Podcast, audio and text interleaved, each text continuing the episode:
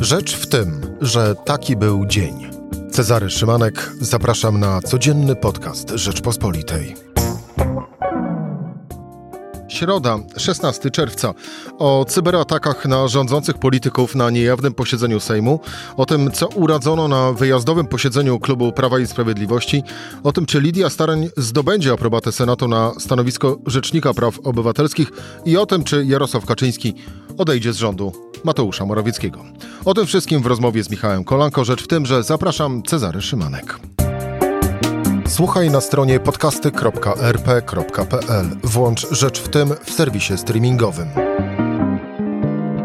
I moim gościem Michał Kolanko, dziennikarz polityczny Rzeczpospolitej. Michał, dzień dobry. Dzień dobry, witam serdecznie. Też używasz poczty na Gmailu do wszystkiego? Nie, nie używam poczty do Gmailu dla wszystkiego i e, natomiast e, i staram się nie używać tego samego hasła do wszystkich e, kont.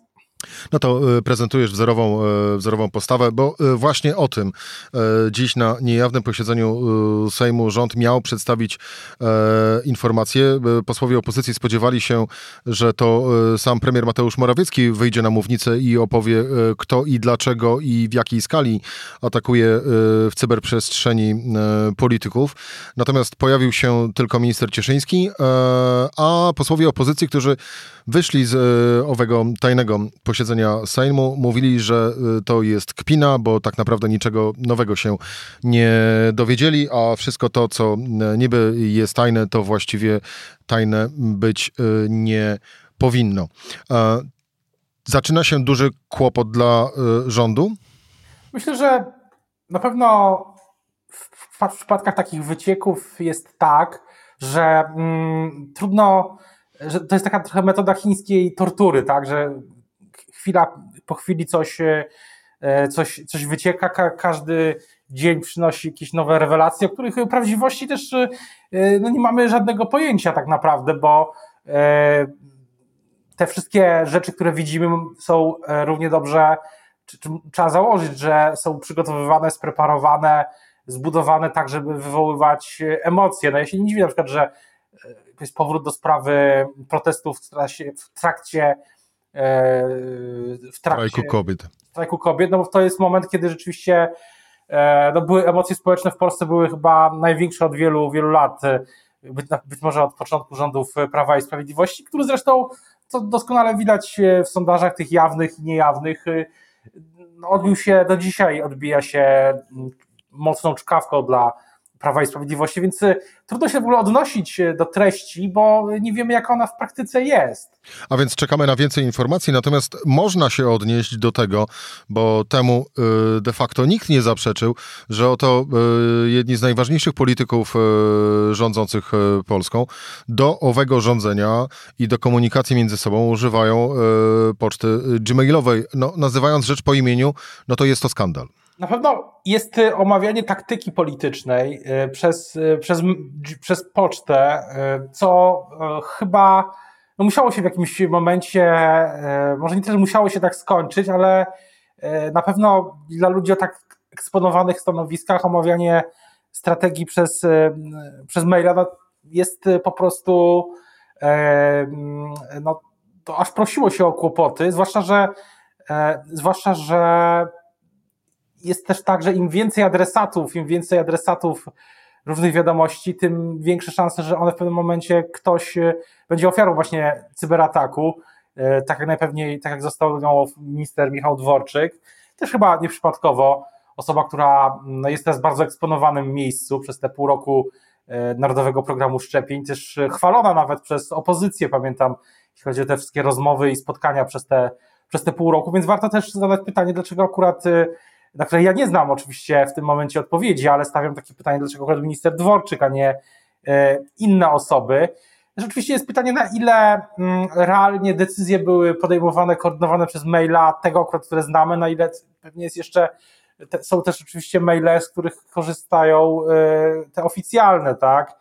Sam minister Dworczyk e, przecież e, ma i oficjalnego maila. Nie zmienia to jednak faktu, że to nie tak powinno się no, odby to... odbywać i, i zapewne będziemy jeszcze o tym dalej rozmawiać, jak no właśnie im więcej... Zgoda, zgoda, zgoda, że nie tak to się powinno odbywać, ale no, pamiętajmy, że cały czas y, poruszamy się w świecie takiej no, mm, dezinformacji de facto, w której y, no wiemy, że już pamiętam taki tekst chyba redaktor Kamili Baranowskiej sprzed roku czy dwóch lat o tym, jak, o tym, jak premier Morawiecki zarządza i tam była taka wzmianka o tym, że lubi wysyłać maile późno w nocy. No, to się potwierdziło, jak potwierdza, jak się okazuje. Inną rzeczą jest e, to, tak jak wspominałem, że treść tego może być przygotowywana, spreparowana, wymieszana z rzeczy prawdziwych i nieprawdziwych. No i ewidentnie jest obliczona na pewnego rodzaju wzburzenie. I tu postawmy kropkę w tej, w tej sprawie. E, idźmy, a właściwie e, spoglądajmy w przeszłość chronologicznie. To wczorajszy wieczór, czyli wyjazdowe posiedzenie Klubu Prawa i Sprawiedliwości e, po raz pierwszy od wielu, wielu miesięcy. E, z nieoficjalnych informacji wynika, że że nie było, że była imobilizacja i takie groźby, było może nie groźby, ale mocne, mocne słowa miały padać pod adresem przede wszystkim koalicjantów ze strony prezesa PiS Jarosława Kaczyńskiego było przypomnienie z tego, co ja wiem, było przypomnienie tych kryzysów, które jego zdaniem koalicjanci no, niepotrzebnie wywoływali, to zarówno jeśli chodzi o wybory e, w maju, jak i jeśli chodzi o ten e, kryzys, czy to zamieszanie wokół unijnego budżetu. Więc dostało się chyba, dostało, dostało się wszystkim porówno, chociaż to jest jasne, że w ostatnich tygodniach to to grupa Jarosława Gowina budzi najwięcej emocji w Prawie i Sprawiedliwości. No to za sprawą Adama e, Bielana i bądźmy szczerzy też Jarosława Kaczyńskiego.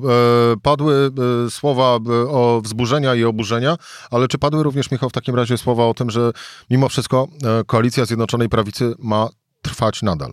Tak, to wydaje mi się, że to jest też wniosek z tych ostatnich ogólnie dni i też wypowiedzi publiczne ostatnich godzin, e, na przykład rzeczniczki porozumienia pani posłanki, posłanki Magdaleny Sroki, no, są takie, że no, Zjednoczona Prawica dalej trwa, ale jej kształt się niewątpliwie zmienia i będzie zmieniał, tak samo jak pewnie kiedyś e, w bliższej lub dalszej przyszłości e, będą się zmieniać te sojusze wewnątrz, bo mówi się o tym, że kolejni posłowie mają odejść od e, Jarosława Gowina, o tym, że to chyba pisał Okopres czy y, inne serwisy, że, mm, czy, czy, że, że siła w rządzie Jarosława Gowina ma się też zmniejszyć odpowiednio.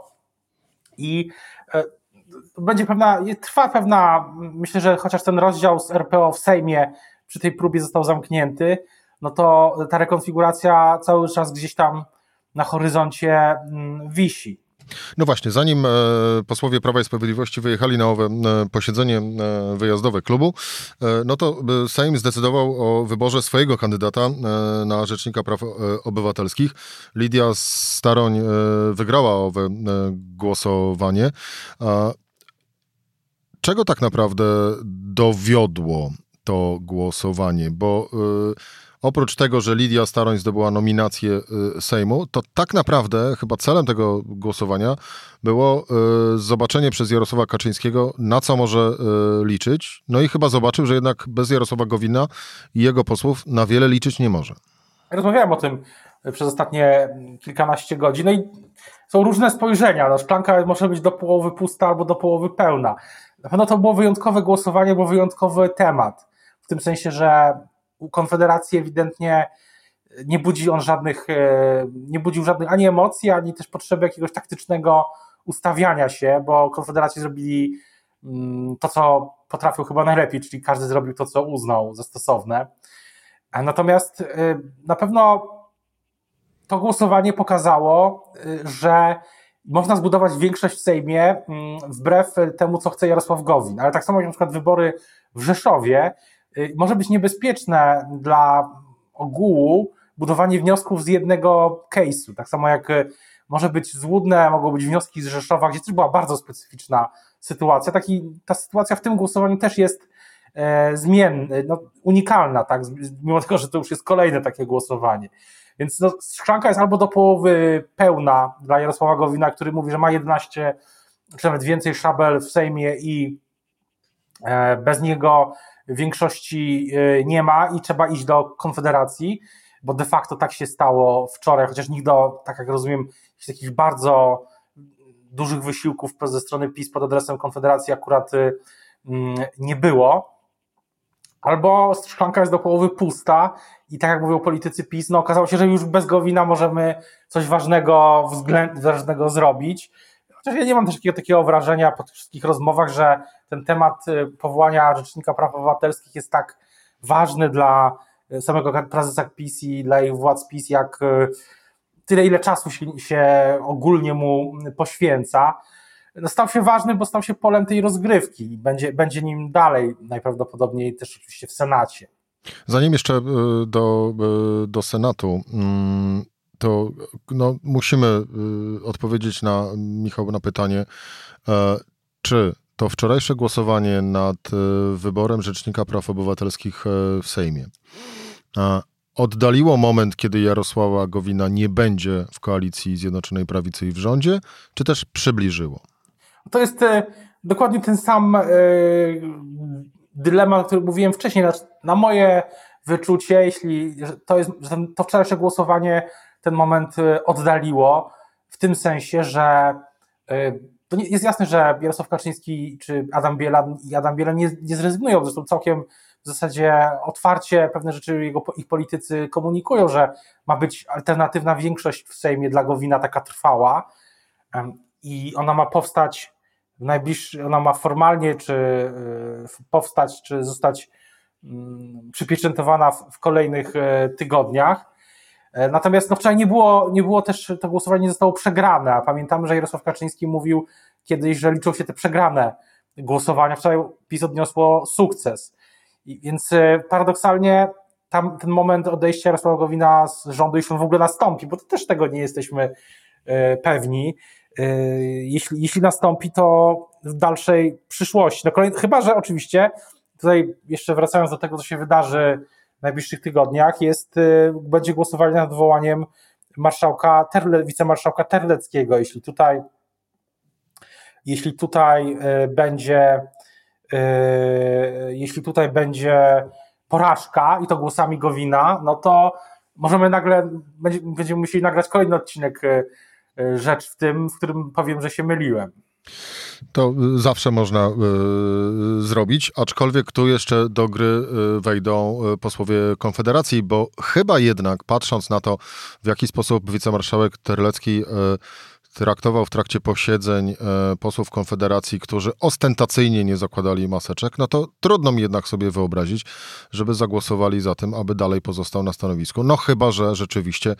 E, będzie jakiś deal, tak mówiąc. Podejdą, podejdą do, do, do tej kwestii jak Paweł Kukiz do głosowania na Lidię Staroń, y, czyli bo Jarosław y, Kaczyński poprosił. Właśnie, a propos Jarosława Kaczyńskiego, Michał, ty y, pisałeś o tym w tym tygodniu w Rzeczpospolitej. E, Odejdzie z rządu Mateusza Morawieckiego? Tak, odejdzie, tylko i myślę, że odejść, moment odejścia Jarosława Kaczyńskiego z rządu będzie też sygnałem, na ile, e, na ile prawdopodobne jest to, o czym też rozmawialiśmy, czyli szybsze e, wybory. Bo z tego, co, tak jak ja pisałem, to będzie moment na pewno już po tym kongresie, nie będzie to wcześniej, ale też nie jest do końca jasne, który. To ma być taki efekt zaskoczenia. Ja, ja raczej obstawiałbym, że to będzie chwila E, na ten taki właśnie, kiedy będzie już ta prosta do, do wyborów. Może to być na przykład koniec tego, tego roku, ale ja myślę, że Jarosław Kaczyński, który sam zresztą powiedział, że ta jego funkcja jest przejściowa, nie, e, nie rzucał słów na, na wiatr, że on będzie chciał się w pewnym momencie skoncentrować na partii, a w, w trakcie tego posiedzenia przy susze, no też słowa o partii, o jej przebudowie, zmianach e, padły. Więc myślę, że Jarosław Kaczyński z rządu odejdzie. Otwarte jest tylko pytanie, kiedy. Czy w takim razie, Michał. W reakcjach na, na ten tekst, tak mogę chyba ujawnić, że większość, wiele osób pisało mi, czy mówiło mi, że bardziej prawdopodobne jest y, to, że będzie to rzeczywiście dłuższa perspektywa, właśnie na przykład końca roku, czy stycznia przyszłego roku, kiedy już będzie widać na horyzoncie y, za 18 miesięcy będą w konstytucyjnym terminie wybory. A jeśli scenariusze ulegną przyspieszeniu, to myślę, że wtedy też to e, zobaczymy.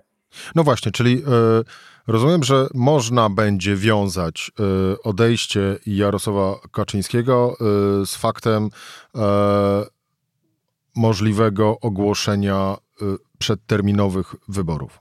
No, na pewno jeśli będzie jakieś przyspieszenie, jeśli coś, jeśli na przykład na tym kongresie PiS będą inne sygnały niż teraz, tak? No bo teraz mieliśmy taki sygnał, że do, spróbujmy jeszcze raz, tak? No jeszcze toczymy ten, mm, ten trudny, ten, ten, no nie wiem jakby to powiedzieć, wózek, tak? tak takie, takie jest przeświadczenie, takie, takie się wyłania obraz, że trzeba jeszcze spróbować. I jeśli na przykład na tym kongresie będzie jakiś inny sygnał, albo jeśli, tak jak wspominałeś, te zmiany, też inne możliwe zmiany w rządzie e, nastąpią szybciej i prezes Kaczyński powie, że teraz się koncentruje tylko na partii, no to będzie sygnał, że być może te wybory realnie, a nie tylko w takich spekulacjach e, rzucanych różnych datach, hasłach e, są na horyzoncie. Na to bym pewno zwracał uwagę. Kongres PiS to początek lipca, ale no właśnie, wcześniej to głosowanie nad odwołaniem z funkcji wicemarszałka Sejmu Ryszarda e, Terleckiego, które może się okazać, że to będzie moment przesilenia w koalicji Zjednoczonej Prawicy to jest y, jasne już, że do wyborów. I dlatego cały czas ja jednak, jednak mam takie przekonanie, że jesień 2023 to nie jest y, termin wyboru, to nie, nie odbędą się wtedy wybory, one będą trochę będą wcześniej, tylko pytanie jak wcześniej, że każde głosowanie, nawet jeśli będzie jakieś osobne koło w Sejmie, które jeszcze będzie wspierać y, rząd, to o takich rzeczach się, się mówi, też o tym pisaliśmy, no to mm, z udziałem przykład posła Łukasza Mejzy, myślę, że w najbliższych miesiącach usłyszymy o nim więcej, to mm, e, będzie e, do każde głosowanie na przykład nad Polskim Ładem, tymi ustawami podatkowymi, no będzie po prostu e, uważnie śledzone i będziemy pisać o tym teksty i liczyć szable. Więc... Michał, to na koniec jeszcze jedno pytanie, trochę futurystyczne. Lidia Staroń zdobędzie akceptację, akceptację Senatu na Rzecznika Praw Obywatelskich? Myślę, że jest dużo bliżej tego niż wszyscy pozostali kandydaci, którzy do Senatu trafili. Bo opozycja stwierdzi, że powołajmy lepiej e, Lidię Staroń, a dzięki temu e, najprawdopodobniej e, zdobędziemy kolejnego senatora opozycyjnego, no bo będą musiały odbyć się wybory w Wolsztynie. Też, ale bardziej chyba będzie decydowała to, że pani senator jest senatorko, senatorem i ma swoje, swoją sieć kontaktów y, w Senacie. I to, czego nie miał ani profesor Wróblewski, ani wiceminister Wawrzyk. Michał Kolanko, e, dziennikarz polityczny Rzeczpospolitej. Michał, dziękuję Ci bardzo za rozmowę. Bardzo. To była Rzecz w tym w środę. Cezary Szymanek, do usłyszenia jutro o tej samej porze.